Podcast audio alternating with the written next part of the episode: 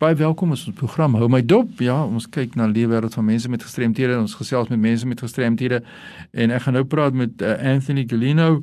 Anthony, hy is die General Manager of the Quad Para Association in the Western Cape. Welkom by ons. Welcome to our program, Anthony. Uh, thank you very much. Great to be here. Anthony, yeah, it's important that persons with disabilities can share their life stories. Tell us more about yourself. You're a wheelchair user, and would you mind sharing your story with us, please? Only with pleasure. I haven't always been a wheelchair user. Up until age of 16, I used to uh, run around and uh, get up to all the mischief that, that young boys do. And then on a Sunday afternoon, after a picnic with some friends. The vehicle I was traveling in, which was an open bakkie, rolled. Left the road up in Silvermine Nature Reserve, you know, between Fish Hoek and, and Tokai, and the vehicle rolled. I, I, don't remember too much about the accident, but I do remember lying on the ground, um, having difficulty breathing, and uh, just realizing that I was in serious trouble, that I'd, no. I'd hurt myself, and um, you know that, that things weren't great. So I broke my fourth vertebrae. I am what we call a C4 quadriplegic, so I am paralyzed from the neck down. I can just wiggle my shoulders and I operate a wheelchair using my chin. It's a chin controlled wheelchair. That's how I have mobility. Thank you so much for sharing your story.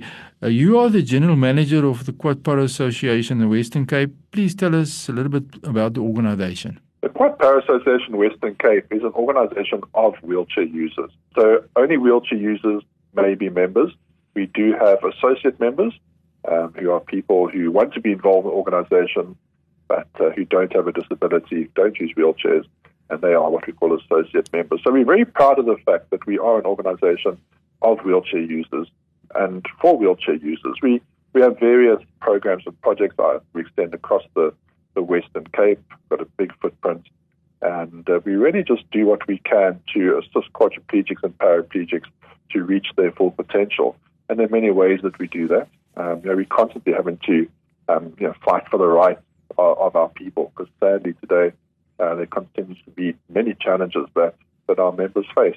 So we feel that the best way to overcome some of these challenges is by empowering our members and getting them working again, getting them economically active. That we've recently launched a work readiness program where we have wheelchair users come into our organization on a daily basis. We equip them with skills, soft skills that they can then use in the workplace to just improve their opportunities, their chances of finding employment, and importantly, of maintaining employment.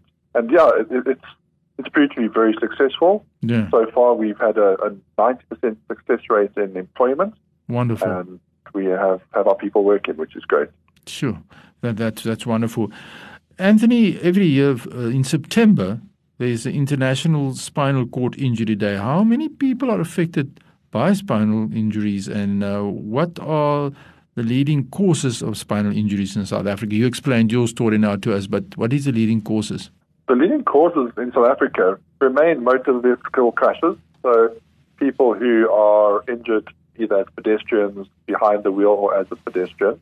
Uh, sadly, alcohol still remains, remains a, a very big factor and contributing uh, factor to car crashes. We also have a lot of people who are injured by means of violence. So they either get stabbed in the back of their neck uh, or their back, or they um, are shot in their neck and their, their spine, which leaves them paralyzed for the rest of their lives. People still continue to break their necks when they dive into rivers, dams, the ocean. And then, of course, we have people who fall.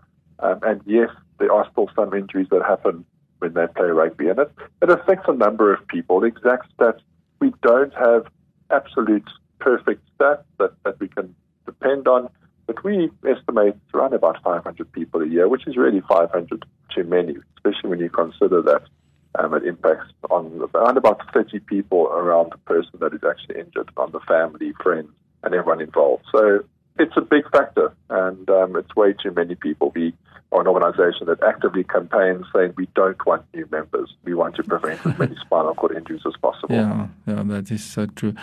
Ek gesels met uh, Anthony en hy is die algemene bestuurder van die Quadpara vereniging in die Weskaap.